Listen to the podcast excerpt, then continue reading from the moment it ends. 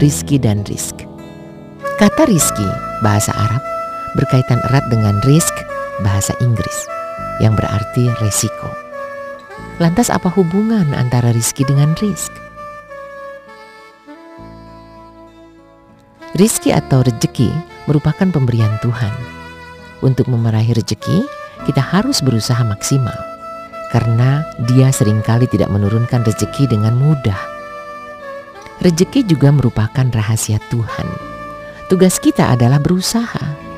Karena kita tak tahu kapan rejeki akan diturunkan, boleh jadi mengalami kegagalan. Meskipun telah berusaha maksimal.